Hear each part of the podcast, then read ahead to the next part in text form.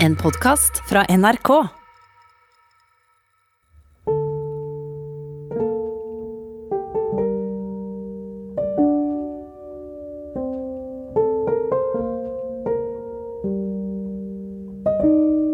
I forrige del av historien om Ebba og Ari fulgte vi Ebba fra det grå kontoret hennes hos namsmannen i Pilestredet, til Aris suite på Hotell Continental. Hun visste ikke da at denne korte turen gjennom sentrum var begynnelsen på en historie som skulle romme alt livet har å by på. Og hun visste heller ikke at det skulle ende med døden. Men det hun visste etter bare 24 timer, var at hun ville ha denne fargerike mannen i livet sitt. Og nå kommer fortsettelsen. Nå forlater Ari den luksuriøse hotellsuiten og parkerer sin hvite Range Rover utafor blokka på Alexander Kiellands plass, der Ebba bor. Dette er fortellingen om Ari. Jeg heter Joakim Førsund.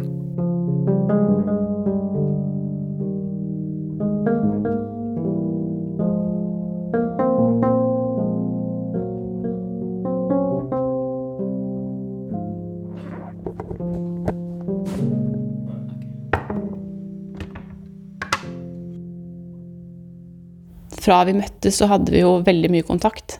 Han begynte allerede da å ringe meg mye. Så jeg kom meg jo ikke unna, på en måte. Ville du den da? Nei, jeg ville jo ikke det. Så det, det, det ble veldig altoppslukende veldig fort. Det var han som var veldig på at vi skulle bli kjærester fort. Hvordan sa han det, da? Han sa jo at vi måtte gifte oss eh, fort. Og så sa han at eh, eh, At han bare vil ha meg. Tok du det på alvor, da? Både og. Hvordan var det å få besøk av uh, Ari Behn i den 35 kvadratmeters leiligheten din på Kiellandsplass, da? Nei, du kan jo tenke deg selv, da. Det var jo sinnssykt stress for meg. Eh, Du var nervøs første gangen? Ja, jeg var så nervøs, fordi jeg først hadde en liten plass. Og for det andre så visste jeg at han har jo spist eh, masse god mat de siste 16 årene. Og masse god vin, som selvfølgelig passer perfekt til maten.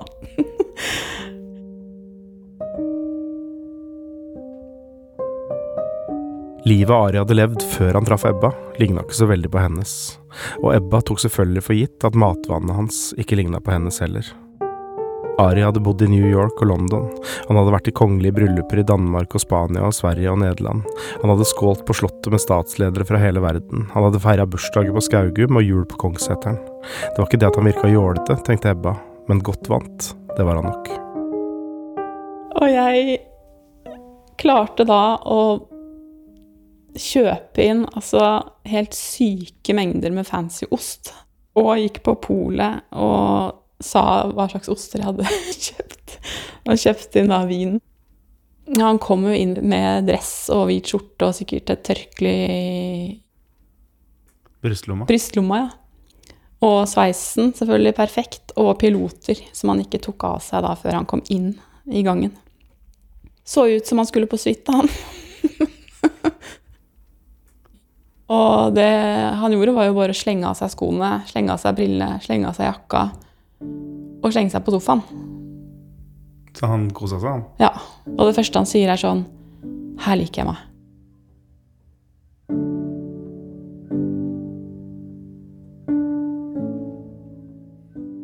Hva var det med Ari som du likte?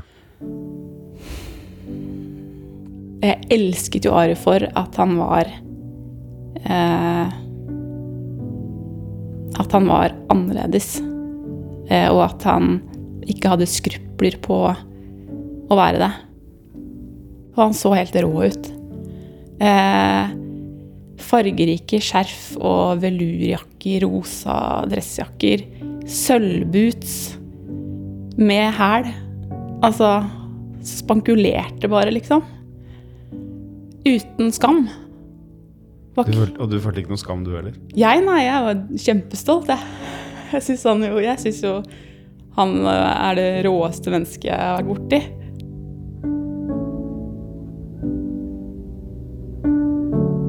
Ganske snart levde Ari to liv. Den ene uka var han alenepappa i det nye huset sitt i Lommedalen. Han kjørte jentene hit og dit, han smurte matpakker og hjalp dem med lekser, sånne ting foreldre gjør. Den andre uka var han sammen med Ebba hele tida. Aldri ute, for det var jo hemmelig alt sammen, men inne, som oftest hos henne. De spiste sushi og drakk champagne, de spilte Billie Holiday og rulla ut lerreter på det gamle tregulvet. De snakka og snakka om livene de hadde levd, og livet de skulle leve sammen. Og en dag sa Ari at han hadde leid suiten sin igjen. Han ville at de skulle bo litt på hotell, de to, akkurat som John Lennon og Yoko Ono, som han sa. For Ari ville skrive, det var en roman han dreiv med, og et skuespill, og han ville at Ebba skulle være der, sammen med ham. Og så dro jeg bare ned på Continental og rett opp på rommet hvor Ari var. Og da er han jo sånn som han ofte var, sånn veldig varm og god. Ikke sant? Nå skal vi være her og bare skrive og høre på musikk og spise god mat. Eh, Da var det jo å bestille mat på menyen.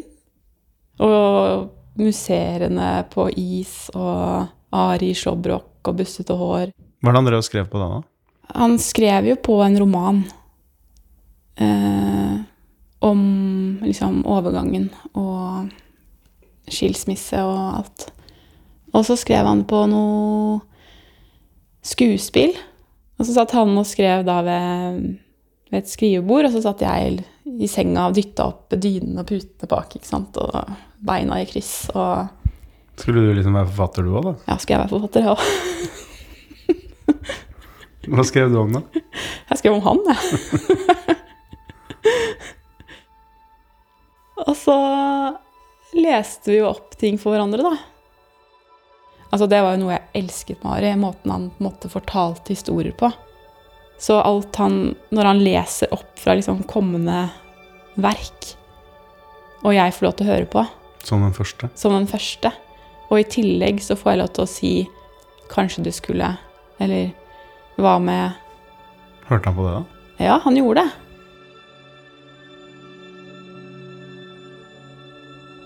Det var jo da det begynte å bli mer interesse for bildene hans. Det var en veldig sånn positiv tid egentlig for han kunstmessig.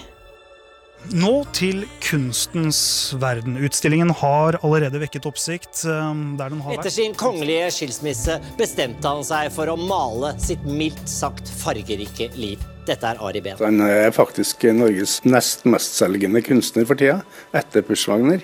Du har sagt at du har malt livet ditt. Hva legger du i det? Ja, så vanskelig og så enkelt. Eh, Det er vel det jeg gjør. Jeg jobber på en stor fortelling, nemlig mitt eget liv. Han la jo bare bildene ned på Altså lerretene på gulvet, gjerne. Eller på bordet, eller Og tok fram eh, de ferdigblanda fargene fra Panduro. Og begynte å klasje på, som jeg ville si. Så da begynte jeg å gjøre det, jeg òg, da. Så da hadde det vært et lerret på gulvet, og så holdt dere på? Ja. Så hadde han jo alltid tolkninger, da, ikke sant, som jeg syntes var morsomt, når jeg bare har prøvd meg fram på måfå uten å tenke at det skal bli noen ting i det hele tatt. Og så sa han på et bilde Du har malt nervene mine. Og jeg bare Ja, du kan vel Ja. Kanskje jeg har det, da. Og det var kanskje det som gjorde at jeg turte å fortsette å gjøre det, da. Selv om jeg tror ikke at jeg har malt noen mesterverk, men, eh, og tror vel heller aldri at jeg kommer til å gjøre det. Men jeg kan i hvert fall kjenne på følelsen av at Ari syns det. Og så blir jeg glad.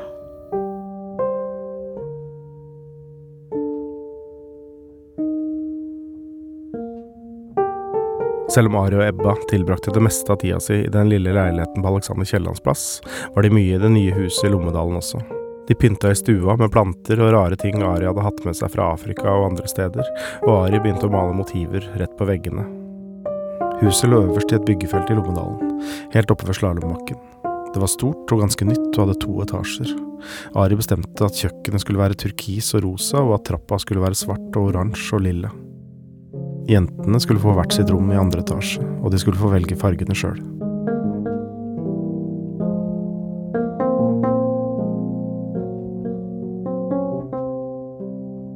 Han gledet seg til det livet der. Han gledet seg til å ha masse folk der, gjester, og lage store middager. Og jeg begynte å føle på at det var fint å være der. Og Ari var jo veldig på det at jeg skulle flytte inn der veldig kjapt.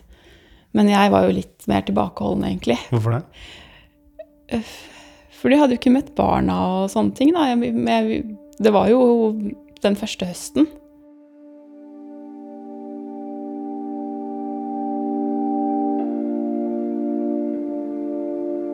Ebba forteller at det lå like foran dem hele tida, at hun skulle treffe barna, der, i det nye huset, at hun skulle finne sin naturlige plass i Aris nye liv, men at det stadig ble utsatt. Og fordi hun ble værende i Oslo når han hadde jentene, fikk Ari ansvaret for alt selv. Og det er jo ikke så uvanlig at nyskilte alenefedre får mer å gjøre enn de er vant med. Men Ari gikk fra et liv i den norske kongefamilien der alt bare blei fiksa, til et liv der han var aleine om alt. De hadde jo hatt nanny eh, i alle år. De gjorde jo mye av kjøring. Da. Det nye livet hans helt praktisk var at han hadde ansvaret for absolutt alt selv. Og det er kjøring og henting til skole, kjøring og henting til alle fritidsaktiviteter. De skulle jo overalt. Eh, tre jenter, liksom. Eh, stallen her og der, og Sandvika storsenter her, og Han hadde barna, så gjorde han egentlig ikke noe annet enn det, nesten. Og jeg var jo dypt imponert, for han sa jo aldri nei. Eh, han gjorde jo alt for de jentene. Han snakket inngående om alle sammen, om hvor, eh, hva de var flinke på, hva slags typer de var, og hva, hvor de kom til å ende opp. Hva de kom til å bli. Ville han egentlig tilbake til det gamle livet sitt? Eh, der er jo ikke jeg objektiv. jeg skjønner veldig godt hvis han ville det. Selvfølgelig var det masse fint som han savna, eller som, som han var lei seg for at han mista. Jeg tenkte jo alltid også på um, at det er en grunn til at man blir separert, og så er det også grunner til at man kan finne tilbake til hverandre. Så jeg hadde jo også tatt den vurderingen at, at det kunne skje. Var du redd for det? Jeg var ikke redd for det, for jeg tenkte at uh, Jeg er veldig glad i at folk uh, holder sammen. Så jeg syns at det hadde vært fint, egentlig. Men da ville du Det ville jo vært på bekostning av deg, da? Ja, da ville jeg ligget heartbroken. Men den vurderingen hadde jeg faktisk tatt, og det var verdt det. Fordi jeg hadde fått så mange fine samtaler som eh, jeg ville ta med meg uansett.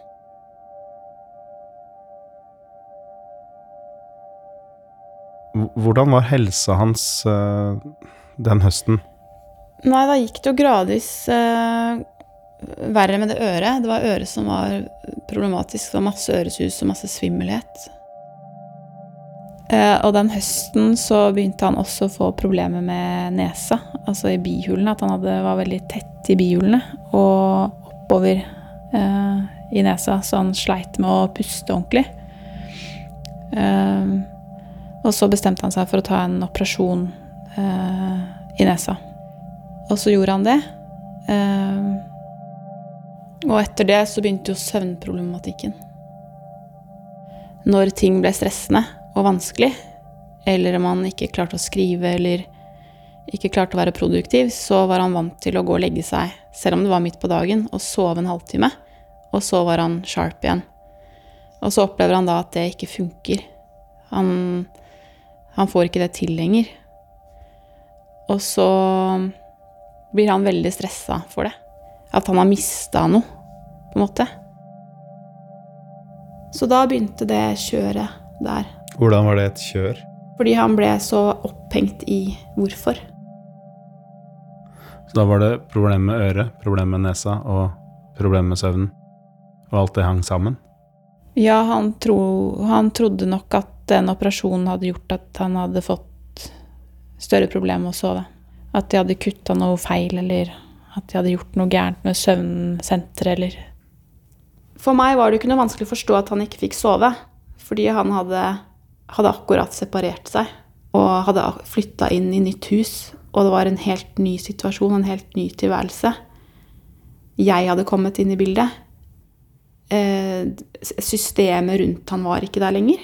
Alle avgjørelser måtte han ta selv og beslutte selv. Og da er det heller ikke så rart at søvnen kan utebli en periode. Men han tenkte at operasjonen i øret og også en operasjon i nesa gjorde at søvnen hans var ødelagt for alltid.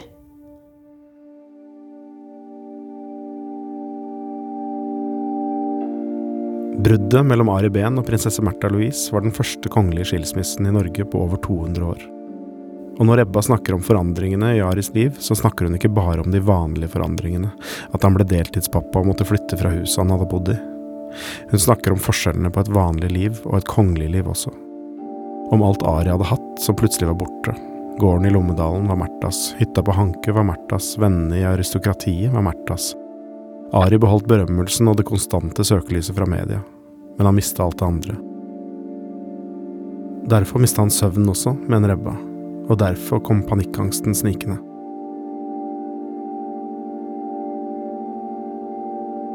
Så øh, sto vi på kjøkkenet uh, i leiligheten min, og så ser jeg at han eh, tar seg til brystet, og at han har vondt i brystet. Og så ser jeg på, meg, så ser jeg på han og så spør jeg hvordan, hva, hva er det, går det greit? Så bare nei, jeg føler at jeg ikke får puste. Um, og så sier jeg ok. Um, og så ser jeg at han blir veldig redd, og så blir han blek. Og så begynner han å skjelve i lårene. Uh, og så holder han seg fast i kjøkkenbenken.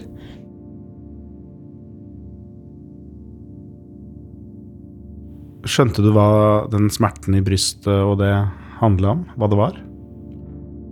Eh, ja, jeg tenkte med en gang at det måtte være en form for panikkangst. Og hva sa han til det?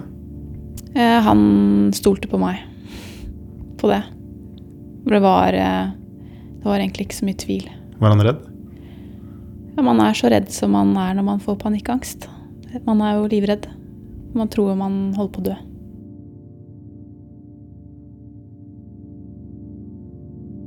Og det er så fælt å snakke om, for det, um, uh, det der er så utrolig vanskelig å beskrive. Det er det villeste jeg har vært med på, liksom. Uh, fordi han var så livredd, og han følte seg liksom helt ute av sin egen kropp. Han følte seg helt vridd i kroppen, så han klarte ikke å sitte rett. Fordi det føltes ut som han var sånn helt vridd rundt. Og logikken også oppi hodet. Ari sitt hode. Det funka ikke. Hvordan da? Han visste ikke hvordan han skulle reise seg opp fra sofaen. Så jeg sa, Ari, nå må du bli med meg, du må gå litt, du kan ikke sitte. Så bare, ok, men når skal, når skal jeg reise meg opp? Nå? Ja, du må telle til tre. Jeg teller til tre, og på tre så reiser du deg opp, og jeg er her. Eh, og så trodde han hjertet hans stoppa. Og jeg var, måtte jo egentlig være på han hele tiden for at han ikke skulle føle at han døde. Jeg kunne ikke gjøre noe annet enn å bare ha fullt fokus på han. Jeg kunne ikke dusje engang. Altså, han måtte bli med meg inn i dusjen eh, og se på meg hele tiden, så jeg ikke skulle bli borte. Ebba og Ari ble i leiligheten på Alexander Kiellands plass i tre døgn. De sov nesten ikke, og ikke spiste de heller, og Ebba nølte med å ta med seg Ari til legevakta. For hva kom til å skje da? Kom noen til å ringe til VG? Kom noen til å fortelle det til kongehuset? Kom noen til å bestemme at han der, han kan ikke ha omsorgen for tre barn? Ebba ringte til Aris foreldre i Moss isteden. Hun sa at hun var redd, og at Ari var enda reddere, og de ba Ebba kjøre Ari hjem til dem. Fordi jeg skjønte at det her, det her klarer jeg ikke alene. Og så um, fikk, jeg, fikk jeg han inn i bilen, og det var jo ikke trafikksikkert. Jeg kjørte, men han ville jo ha blikkontakt med meg hele tiden og holde meg i hånda.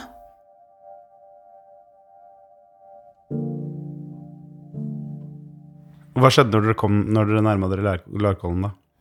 Da kjente jeg at jeg begynte å bli letta for at, for at noen skulle se hva som skjedde med han. Og så kommer Marianne Olav ut og, og blir helt sånn forskrekka.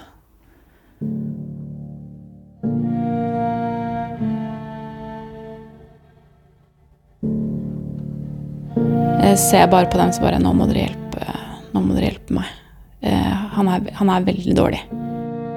Og så går de bare Olav går rett til Ari og prøver å hjelpe han ut av bilen.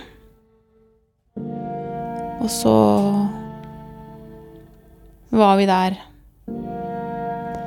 til Marianne bestemte at vi skulle ringe ambulanse.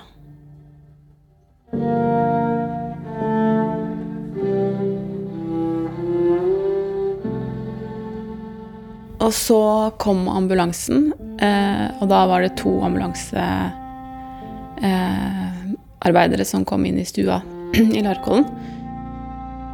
De tok han vel over på båre, tror jeg, for han klarte ikke å reise seg opp. Og så eh, ble han båret ut i ambulansen. Og så fikk han noe intravenøst.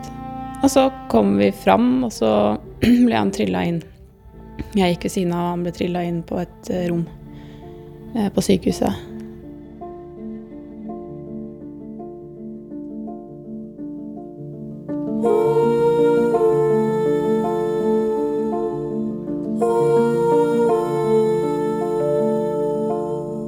På den tredje sida av Inferno skriver Ari Behn.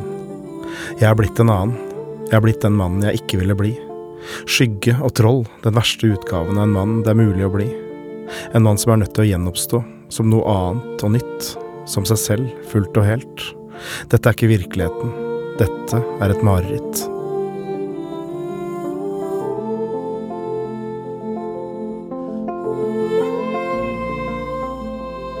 Du har hørt den andre delen av denne fortellingen om Ari. Vi skal bli i Østfold i neste del, men da skal vi introduseres for søstera til Ari, Anja. Det er bare 16 måneder mellom dem, og de var uatskillelige hele livet.